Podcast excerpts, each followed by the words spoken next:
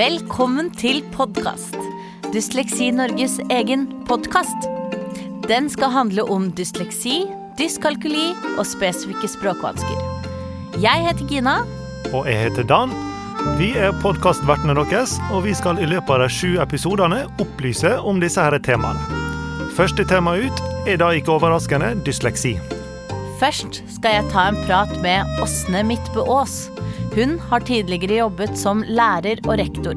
I dag jobber hun i Dysleksi Norge og reiser land og strand rundt for å holde foredrag om dysleksi. Først, Åsne.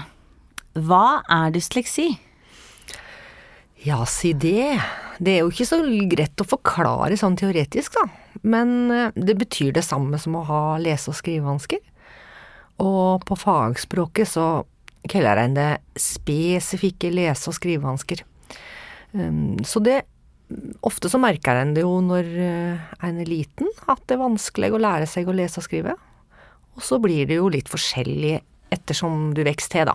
Så en voksen dyslektiker har kanskje helt andre vansker enn en som er liten. Men Fordi jeg har også hørt at det er forskjell på å ha dysleksi og lese- og skrivevansker. Kan du klare å skille de to? Det kan jo hende at en har lese- og skrivevansker er jo fordi at en har hatt veldig dårlig opplæring, eller at en har trena lite. Men når en har dysleksi, så har en en eh, vanske som en ikke går over, men ofte så kan han leve veldig greit med det, fordi at han lærer seg strategier, da. Så mm, dysleksi er jo det en En er født med det, og, og så er det jo veldig arvelig. Så dysleksi er på en måte diagnosenavnet på lese- og skrivevansker. Ja, for å si det veldig enkelt, så er det det. Og det er det ordet vi bruker mest, og som jeg tenker er lurt å, å bruke i forhold til når vi skal snakke om det. Ja. Og hva vil det si å få en dysleksidiagnose?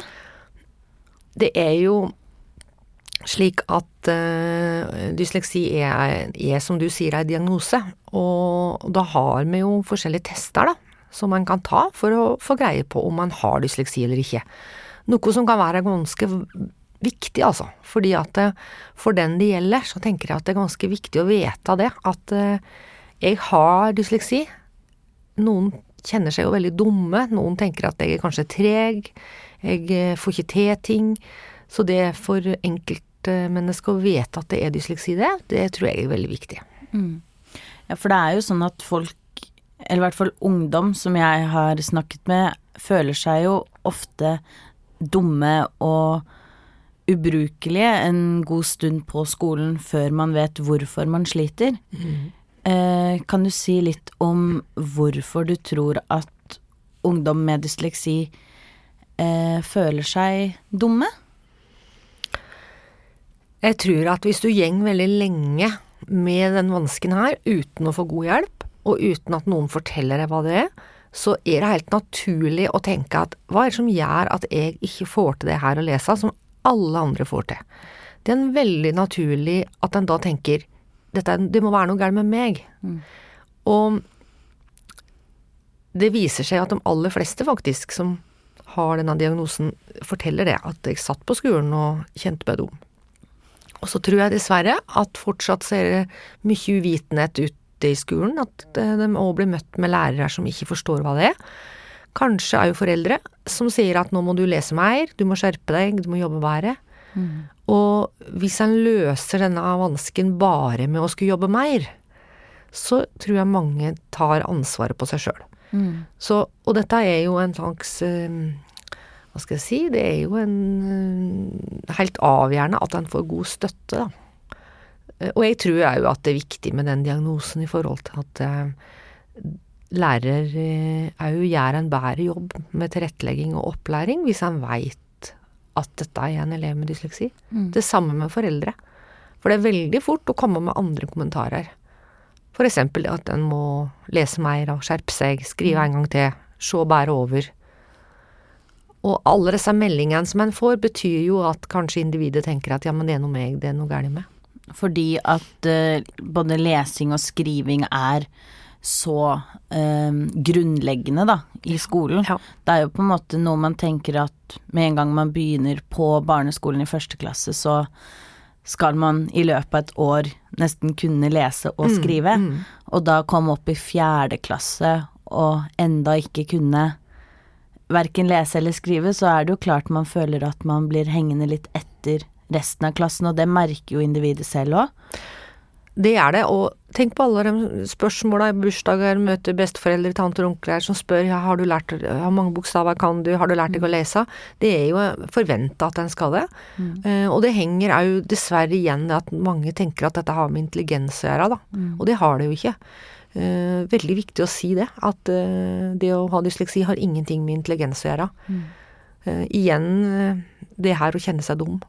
Så det mangler kunnskap ute i samfunnet, eh, og, og ikke minst òg i skole og barnehage, på at eh, vi må finne disse her barna mye tidligere. Tror du det er en, eh, en trygghet for barn med dysleksi å faktisk vite hva de har? Altså sånn eh, En stund på skolen så vet du at du bare sliter, men du vet ikke hva det er. Og så når du først får dysleksidiagnosen, da, at det kan hjelpe deg eh, med å liksom komme over dette og føle seg dum og kanskje Nå skjønner jeg hvorfor jeg er som jeg er. Jeg tror det er veldig viktig, og òg i forhold til å akseptere at uh, en har det. Det er mye lettere å akseptere det når en er yngre. Eh, jeg ser mange tilfeller at en kanskje får diagnosen så seint som langt ut i mellomtrinn, og kanskje òg i ungdomsskolen og mye lenger ut enn det.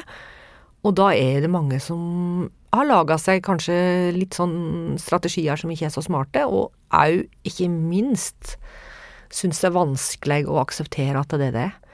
Men eh, de aller fleste syns det er en stor lettelse å få greie på det. Og ofte så er det dessverre sånn at foreldre har hatt mistanken i mange år uten at det har blitt gjort noe.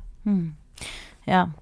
Eh, det er jo også ikke bare eh, lese- og skrivevansker som kommer opp når, i hvert fall for min del, tenker på dysleksi, for vi har jo en del følgesvansker som kanskje er enda mindre belyst eh, i samfunnet og hos lærere og foreldre enn det selve dysleksidiagnosen er. Kan du ikke si litt om hva slags følgesvansker som kommer med dysleksidiagnosen? Eller det er jo veldig individuelt, da, men sånn generelt? Det er klart, her er det stor forskjell fra person til person. Eh, Jeg tenker at det heter jo lese- og skrivevansker. Og jeg tror at fokuset er veldig stort på lesinga. For voksne med dysleksi så, så vil jeg si at skrivinga vil kanskje være det som er hovedproblemet. En lærer seg å lese på en eller annen måte, enten med ørene eller med at han uh, trener så mye at han får en noenlunde lesfart. Men det å skrive, altså det å få sånne morsomme skrivefeil, det kommer opp. Ved sida av det så er det mange som sliter med konsentrasjon, og det har rett og slett med det at eh, det er en stor jobb for hjernen å kode den lesinga, og det går utover konsentrasjon. Det er jo interessant å se at en del eh, som har dysleksi og har dette med retningsproblematikk. Vi kjenner jo mange som har lett for å rote seg bort, problemer med høyre og venstre. Så det er jo kjempeviktig å vite. Eh, og òg dette med klokka, da, og tid. Som er, fort kan føre til mye trøbbel, både i skolen og i arbeidsliv. At en del har faktisk ikke bare problemer med å lære seg klokka, men òg problemer problem med å ha tidsbegrep. Det vil òg være hvis en har matematikkvansker og eller dyskalkuli, og òg spesifikke språkvansker. Um, og så tenker jeg at kanskje den største følgevansken livs, i et livsperspektiv er noe det her med å, at en sliter med sjøltillit, da. Tenker jeg eh, Mange får en sånn livsvanske på det. Mm, fordi det kan jo være at du har på en måte knekt både lesekode, klokkekode, eh, alle disse retningssanskodene, men det som kanskje blir sittende igjen, er det her med selvtillit, da, som man ikke tenker over er koblet opp mot selve dysleksien, men som kan faktisk være, være det, da. Og her tror jeg skolene er veldig dårlige mange ganger til å Altså, en har kjempestort fokus på atferdsvansker og på såkalt eh, emosjonelle, sos, sosioemosjonelle vansker. Og så tenker en ikke på det at eh, elever som har disse spesielle fagvanskene, får selvfølgelig trøbbel med motivasjon, trøbbel med atferd, trøbbel med psyken sin, kanskje, hvis ikke vi passer på å støtte og backe. Og det er helt unødvendig. Fordi dette her kan vi så mye om i dag. Dette her, Vi veit jo hva som funker.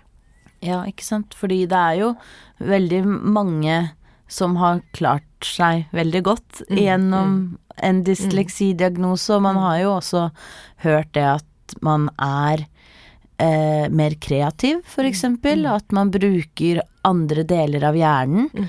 og finner sine egne metoder for å komme seg gjennom livet på. Mm. mm. Ja, det er mange, som, mange eksempler på det. Både kunstnere, oppfinnere, kreative folk, folk som lager nye bedrifter. Mm. Og det tenker jeg er det viktigste, kanskje, å finne ut hva er du god på. Uh, ja, her er det en vanske som vi i dag kan løse med alle mulige duppeditter, mm. egentlig. Uh, duppeditter, da mener du hjelpemidler? Ja, eller alt som ligger i en smarttelefon, alt som ligger i en PC, Mac, altså hva du har. Det fins i dag så utrolig mange muligheter til å få hjelp. Vi må jo si man er kanskje mer heldig, de som får heldig i gåsetegn, eh, de som får en dysleksidiagnose i dag, enn for bare kanskje 15-20 år siden. Mm. Fordi nå har vi jo disse hjelpemidlene og mm. appene og disse smarttelefonene som hjelper oss mm. på en helt annen måte, som du kan bruke som din lille verktøykasse, da, mm. gjennom mm. livet. Det er helt klart at det, det var mye vanskeligere før. Samtidig så er vi i et samfunn som har store krav til å lykkes med lese- og skriveferdigheter, da. Mm. Så det er noen utfordringer her, men ja. vi har løsningen hvis vi bruker den. Mm. Ja, det er jo litt uh, å tenke på dette med for studenter og sånn, mm. at det er nesten et krav om å, å, ta en bachelor eller en master. Vi lever på en måte nesten i et mastersamfunn. Mm.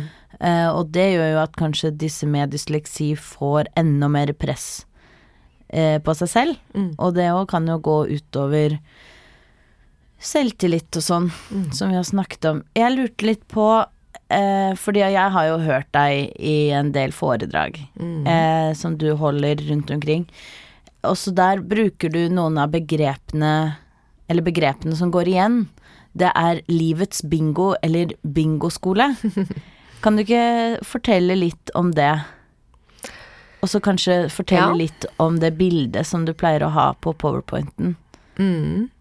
I forhold til det at jeg Når jeg begynte å jobbe i den jobben her, så har jeg vært rundt på veldig mange skoler i Norge. Og snakka med masse foreldre og masse lærere. Og den største overraskelsen min var jo det at um, en gjør det så veldig forskjellig rundt omkring. Og jeg så ganske fort at uh, hvis du skal få hjelp, da, hvis du har dette, denne vansken, så må du på en måte være født med riktige foreldre, og så må du være født eh, eller få plass i riktig barnehage, og så bør du helst havne i riktig første klasse. Og ha riktig rektor på den skolen, og kanskje riktig PP-tjener, og eh, i det hele tatt eh, mm. ha flaks, da. Og det, det, skal ikke være sånn, da. At en må være utdelt med flaks eller uflaks om en skal få hjelp. Eh, det er jo det som på en måte ligger under den jobbinga med jeg med dysleksivennlig skole, er at vi tenker at det må lages gode systemer i barnehage og skole, slik at disse barna får hjelp tidlig, og hjelp som hjelper. Mm. Og for hele målet er jo det at disse elevene skal være sjølstendige for å klare seg ut i arbeid og utdanning. Og det er jo egentlig ingen grenser, du kan bli hva som helst. Mm. Eh, men vi må jo ikke lage disse her eh, begrensningene, da, som ofte er. Nei, for det er jo mange som tenker at når du har fått en dysleksidiagnose Dette er kanskje eh, Har jeg selv opplevd med lærere, eksempel, at de setter en slags begrensning for mm. deg. Eh, og du har fått dysleksidiagnosen, ja, da vet du hvor du kommer til å ende i livet, liksom. At ja. uh, da er det ikke Da er det ikke noe håp. Man mister litt den det håpet da, om å kunne bli noe stort når man får sånne beskjeder slengt i trynet? Det er veldig farlig å sette begrensninger på barn. Og det er farlig å slutte å ha forventninger og ha, stille krav. Det, er liksom, det blir veldig feil da, når man skal hjelpe elever på en sånn måte at hjelpebehovet blir større og større. Jeg tenker at eh, vi må hjelpe elever på en måte som gjør at de blir selvstendige. Og det blir klarere og klarere for meg at det er det viktigste vi snakker om. At ja, vi må hjelpe både på det å innhente informasjon, som veldig mye av læring består av, og det å lære seg å produsere. Og her har vi utrolig mange muligheter. Ja, at eh, lærerne også får god nok kunnskap, for jeg tenker det kan være mangel på kunnskap som gjør at de setter begrensninger for elevene, da. Mm. Fordi at de vet ikke hvor de skal starte, og hvor de skal gripe an pro problemet. Det er helt klart fortsatt en stor mangel på kunnskap, fordi det fortsatt ikke er noe om ja, I hvert fall lite om det her i lærerutdanninga. Det er jo ikke noe unnskyldning. Eh, Så det er to ting som gjelder. Skaff deg kunnskap, og så er det klart at dem som har litt vondt i viljen, må jo jobbe med det, da. Mm. Når du er lærer, så har du et ansvar for at alle elever skal få riktig opplæring. Ja, og det tror jeg de aller fleste ønsker òg, og jeg er veldig mye for å lykkes. Så jeg tenker at det å ikke ha den kompetansen gjør jo at det er mindre sjanse for å lykkes. Ja. Så det her er jo eh, mestring både for stor og liten. Yes. Da sier vi tusen takk for at du kom til oss i dag, Åsne, og ga oss litt mer konkret informasjon om dette med dysleksi. Tusen takk. Takk for at jeg fikk lov å komme. Nå skal vi prate litt om myter og fordommer når det gjelder dysleksi. Det er jo mange folk som tror at de som har dysleksi, ikke kan lese og skrive. Og det, det høres jo feil ut. Ja, det er jo ikke helt riktig. Det er jo greit at de eh, At man starter Når man starter på barneskolen, at man får vite at kanskje man sliter med det, at man kommer litt sent i gang og, og sånn, men de aller fleste, om ikke alle, kommer jo som regel styrket ut av det. Helt klart, og de vil jo med det riktige verktøy lære seg å lese, både lese og skrive også. Mm. Og så er jo det veldig mange som tror det at eh, dysleksi og manglende intelligens henger veldig godt sammen. Ja. Det er jo også ganske feil. Ganske for å si det sånn. Eh, man kan nok føle seg eh, dum Mm. eh, i mange tilfeller. Eh, jeg har blant annet kjent mye på det selv mm. eh, opp igjennom, at eh, det å ikke klare å lære seg noe så grunnleggende Mm. som det å lese og skrive i den, det tempoet andre barn Mm. på samme alder gjør, er nok uh, ganske Det sliter nok veldig på det med selvtillit og se, selvfølelsen, og man føler seg rett og slett dum. Ja. Men dysleksi he, eh, har ingenting med det med intelligensen å gjøre, det er bare en følelse rundt det. Det er nok det, og, og den kan du si, fordommen der, da, den har jo sikkert oppstått eh, av at veldig mange dyslektikere henger jo kanskje som regel igjen etter i, eh, henger etter i skolen, da. Og, eh, og et, vanlig utsagn som dyslektikere ofte får, er liksom Er du analfabet? Er du, er du lat? Eh, du er jo stokk dum. Så det kommer jo aldri til å de, de får liksom høre at det kommer aldri til å bli noe av det i livet hvis du ikke klarer å lære å lese og skrive. Når man får hørt det nok selv, så tror man jo til slutt på det òg. Mhm. Eh, og det er jo en, en viktig faktor at de som har dysleksi, ikke skal sitte igjen med den følelsen når man har lest Når man har knekt både lese- og skrivekoden. Mhm. Og som alle da, som har kanskje veldig lite kunnskap om dette her, skaper seg veldig fort fordommer for det som de ikke vet noe om. Og det, det er jo noe som bare sprer seg mer og mer hvis folk ikke vil lytte og forsøke å forstå da, hvordan dette her er forenet med dysleksi. Mm, det er jo manglende kunnskap som er roten til fordommer. Mm, At når man ikke vet, så lager man seg tanker. Mm. Og så um, er jo det veldig ofte folk tenker sikkert at det er jo bare én måte å ha dysleksi på. Det kan jo kanskje du snakke litt om, Gina, som Ja. har dysleksi? Ja, altså det er jo Jeg skjønner at eh, lærere syns det er vanskelig å hjelpe eh, elever med dysleksi, fordi at det ikke er noe fasitsvar. For nettopp det at det finnes bare én måte å ha dysleksi på, er jo virkelig ikke sant. For det er veldig individuelt, og jeg tror det ikke fins nesten to som har samme diagnosen, da. Mm. Selv om begge har dysleksi, så er det ofte at man sliter med to vidt forskjellige ting. Noen uh, sliter jo veldig med det med å lese, og det er det. Leseforståelse, huske bokstaver, huske ord. Andre sliter veldig med skriving. Og noen kanskje har en lettere diagnose av det. Mm. Og så er det noen som sliter mer med disse følgesvanskene. Mm. Eh, som også er eh, en stor påkjennelse for en person, men som kanskje er enda mer usynlig. Mm. Og desto viktigere å få vite om, da. Ikke sant? Og jeg tror også alle har hver sin opplevelse, hvis vi kan si det på den måten, av det å ha dysleksi.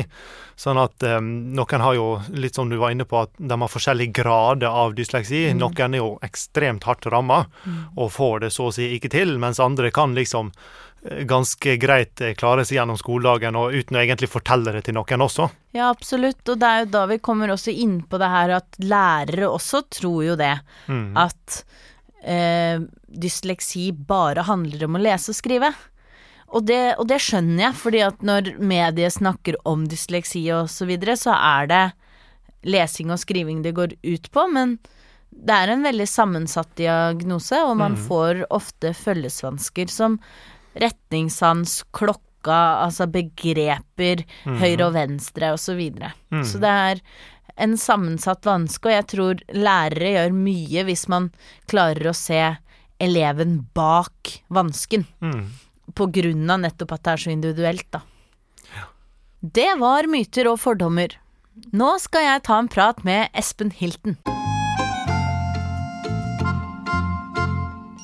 Velkommen, Takk skal du ha. Espen Hilton. Yes. Ja, veldig hyggelig at du ville stille opp. Du, Veldig gøy å få muligheten. Ja. Ja. Eh, eh, jeg har litt spørsmål til deg om dette med dysleksi, da. Ja. Ja, jeg lurer på når var det du fikk diagnosen? Uh, det var vel på barneskolen. Mm. Eh, da husker jeg at de, de skjønte ikke helt hva jeg feilte. Fordi jeg hadde så mye energi, og så klarte jeg ikke helt å konsentrere meg. Ja. Eh, så ble jeg tatt ut, og så ble jeg satt der og husker jeg bare hadde snakka med ei dame, hun bare ja, nei, han hadde Først var det dysleksi, og så var jeg um, ordblind, og så var det ADHD. Altså, jeg tror jeg fikk hele remsa. Nå hadde jeg ikke ADHD, da, Nei. men um, det er jo ofte det man uh, får høre når man har dysleksi, for man konsentrasjonsvansker. Ja, det er veldig mye med diagnosene som Ja krysser hverandre. Veldig. ja. Ja. Eh, jeg tenker du er jo fra Vennesla, Ja. eh, og du har bodd hele barndommen din der, ikke sant? Uh, Fram til jeg var sju, så flytta vi til Vennesla. Og så, altså, det blir vel hele barndommen. Ja. Skulle liksom late meg være som så mer bereist. Ja, ikke sant? Ja, Mm. Eh, var det noen av lærerne på skolen som Fikk du noe hjelp? Var det Eh, ja. Um, men det, det, jeg fikk hjelp med en gang. Jeg husker den ene læreren min Åh, Jeg har bare lyst til å si ut navnet. Men uh, det er veldig morsomt, det derre uh, hvordan man ser på det i dag, i hvordan eh, voksne ser barn. For den læreren jeg hadde, han så ikke meg. Og han var akkurat som ikke Han skviste meg litt ut uten å tenke over hva han gjorde. Men da husker jeg jeg fikk en sånn spesiallærer og måtte gå til, um, til Ruth, da. Eh, og Ruth lærte meg da å, å lese og forstå hvordan skal man kunne lese sånn som alle andre, da. Uh, og da ble det litt lettere, for da forsto du det, så det, leksene ble lettere da. Men, uh, men jeg tror det var nesten bare hun som skjønte. Altså, det handler jo litt om hvor trygg du er på deg selv, ikke sant? Ja, selvfølgelig. Eh, er det lesing eller skriving eller begge deler? Begge deler. Begge deler Ja som Ja. Ja. Fordi du er jo blogger, Ja, og du lever jo av å skrive. ja. Hvordan preger dysleksien deg i hverdagen?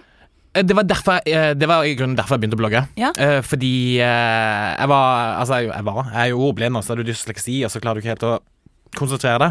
Og da tenkte jeg ok, men hvordan kan jeg presse mine egne grenser? Ja. Og det var jo da å opprette en blogg. Men det tok meg lang tid før jeg eh, trykte um, eh, Publiser? Ja, publiser, vær så god, folkens. For det, da bodde jeg jo Men så bodde jeg i Vennesla da? Nei, men jeg tror jeg oppretta bloggen min på eh, Sånn at alle i Vennesla kunne se den, for det var på blogg.no. Ja. Og det husker jeg var ganske tøft, altså. Fordi jeg var jo Jeg tror jeg var den første gutten i Norge som liksom ble ordentlig kjent som en blogger, da. Ja. Eh, og når du er mann og blogger, og så har du blitt mobba hele barndommen, og så skal du få det appå at ikke du helt skriver, skriver riktig. Så det er ganske sånn eh, tøft, men igjen så var det en veldig viktig bit for meg å gjøre, da. For å presse den grensa, da. Når var det du starta å blogge? Ti år siden. Ti år siden? Mm, Så du har gammel ti verst. Du har tiårsjubileum i år? Neste år. Neste Ja, år? ja, er- Ja, men 2018, da. Mm, Ja, kult. mm. Det er jo gøy. Det er gøy. Ja. Men Absolutt. eh, merker du at det ved at du var redd for at folk skulle kommentere eh, på ting For du følte deg sikkert veldig utsatt Ja. allerede. Føler du det i dag? Nei, Er du redd Eller har du åpent kommentarfelt? Ja, ja. I Ja. dag har jeg det. Men det er visse kommentarer ikke jeg lar gå igjennom. Mm. Men det handler ikke så mye på, um, på meg som person. Det handler mer på hva er det jeg velger at andre skal lese og diskutere. Mm. For da, da slipper jeg til eh, nettroll og idioter som bare føler at de må kommentere. Ja. Men hadde det da vært eh, uh, Hadde det vært viktig, det som sto der, så skulle de fått lov til å ha det på kommentarfeltet mitt. Men det er ikke viktig for noen å, å starte opp en fight som ikke det er noe å fighte over. Så da lar jeg heller bare ligge. Ja, det er sant. Um, merker du Altså, dysleksi, det har jo sine følgesvansker. Uh, har du noen Merker du noe utbredt mer enn lese og skriving som nå i voksen alder? Altså, vi har jo retningssans, eh, Mm. høyre og venstre, eh, klokka. Altså, Ja. alle disse tingene kan liksom kobles opp mot dysleksi, da. Det er så morsomt det der. Ja. Fordi at i alle år Ja. Det er så teit, men høyre og venstre Ja. Kan du bare lære deg å forstå høyre og venstre? og det, men klokka, alt sånne ting, og øh, veibeskrivelse Altså, jeg er et geni på Mm. veibeskrivelse. Men høyre og venstre, det er sånn Hva var det det var høyre eller venstre? Og jeg vet forskjellen, Mm. men så tar jeg ofte til venstre. Så er det sånn Ok, nå bare tenker Tinder høyre-venstre, skal vi se, hvordan sveiper man? Skjønner du hva jeg mener? Så det er sånn Ok, men der begynner man nesten å lære litt. Ja, jeg Ja. skjønner. Ja. Så Tinder har hjulpet meg masse. Mm. Tinder er en god læringskurve. Absolutt. um, um, du bodde med moren din når du bodde i Vennesla. Ja. Uh, hvordan hjalp hun deg gjennom barndommen med dysleksien og sånn? Var hun veldig på lærerne, eller måtte du stå opp for deg selv? Uh, jeg tror nok mamma, mamma var Det er jo veldig mye av min barndom som er litt sånn blackout, blackout, men det er jo fordi mye mobbing og sånne ting. Men jeg husker at mamma var veldig sånn fighter for at jeg skulle få PC, Ja. uh, og var veldig sånn at eh, jeg skulle uh, ha eh, oppfølging. Ja. Eh, så hun har alltid vært sånn Hun var veldig hun, med min søster også, så er hun en sånn mammafighter. Men jeg føler at jeg på en måte Jeg vet ikke helt hvordan jeg skal eh, svare på det. For jeg jeg husker at hun, hun var veldig fighting for at vi skulle få PC og sånne ting. Og var veldig med eh, at eh, de som, som hadde som skulle bli sett. da Men jeg husker veldig lite, merkelig nok. Kanskje ja. Ja, men det er Jeg har veldig stor forståelse for Ja. at mye av barndommen er blacket ut. Ja. Eh, fordi dette, sånn som du beskriver moren din, da. Det er eh, også sånn jeg vil beskrive moren min. Ja, Eh, og det er såkalt tiger mom. ja, De står ute med ja, ja, ja, ja. for å beskytte ja, ungene sine. ja. Og det er veldig rørende. Ja, men hun er alltid, alltid veldig sånn uh, Tigerman, beskytter ungene sine, men du må lære av feilene dine. Ja. Så du er nødt til å prøve. Ja, ja. Og jeg bare nei. Jo. Det som er morsomt i dag, er jo det at når hun kommer til meg i Oslo, så tør hun ikke gå på trikken. Nei. Så hun var her i helga, så sa du kan- jeg nekter å følge etter trikken for hun møte min søster. Så hun måtte kjøpe en billett, gå på trikken. Hun var livredd. Og det er sånn Hvorfor det? Du har reist verden rundt. Hva er det ikke du har lært meg?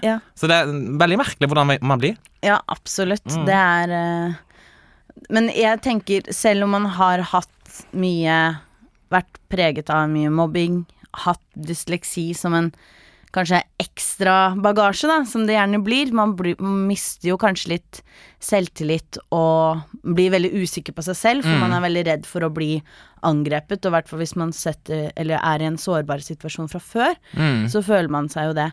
Men jeg tenker jo at når man lærer seg å liksom ta kamper i ung alder, da, så lærer, er man ganske safa eh, resten av livet med at hvis man møter motgang, så har man på en måte Ja, altså det jeg elsker med å ha dysleksi, da.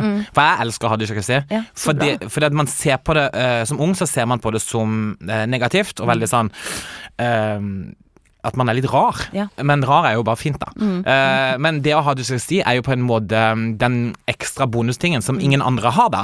Eh, og som da gjør at vi må for, for det første jobbe mye hardere for å nå målet, men det er gjort noe sånn research på de med dysleksi, uh, og det er det at vi eh, hva er det der? At vi husker bedre, eller? Ja. Det, er no, det er en sånn det, ting som jeg har merka, at når jeg setter meg et mål, så når jeg det målet hvert eneste år. Jeg skulle gi ut en bok i 2017. Jeg ga ut en bok i 2017. Jeg skjønner, så alt går. Men det er, vi, er så, vi er så eh, strenge med oss selv. Ja, skjønner du? absolutt. Ja, du skjønner jo. Ja, jeg skjønner.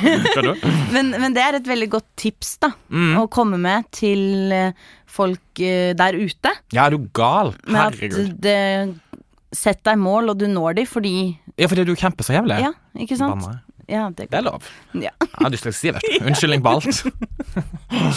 Så bra. Eh, til slutt, da, så vil jeg bare spørre sånn Har du noen konkrete eh, tips? Du var jo litt inne på det nå, men har du noen konkrete tips og råd til ungdom som kanskje står midt oppi den verste fasen i gåseøyne i sitt liv, og de sliter med å kanskje skjønne hvordan de skal komme seg ut av det her. Altså, du har De har, føler seg dumme, og de eh, har ingen selvtillit, og de sliter med alt som alle andre tar veldig lett, da. For det er jo det med dysleksi at man, det er jo på en måte en selvfølge at man skal kunne lære seg å lese og skrive. Har du noen gode tips til hvordan man kan se framover og gå med raket rygg? Det som er eh, greit nå i 2017, er jo det at man har så mange Man har jo tilgang til in internett. Mm. Og på internett så har man så mange nettsider og, og plasser man kan møte andre som har dysleksi. da Ja. Det hadde ikke jeg i min tid, og sikkert ikke du heller. Nei. Så det er jo et råd, altså sjekke opp det. Mm. Fordi at eh, eh, du, det er ingen, uansett hva du går gjennom i livet, så er du ikke alene om å føle eller eh, kjenne på en sånn ting.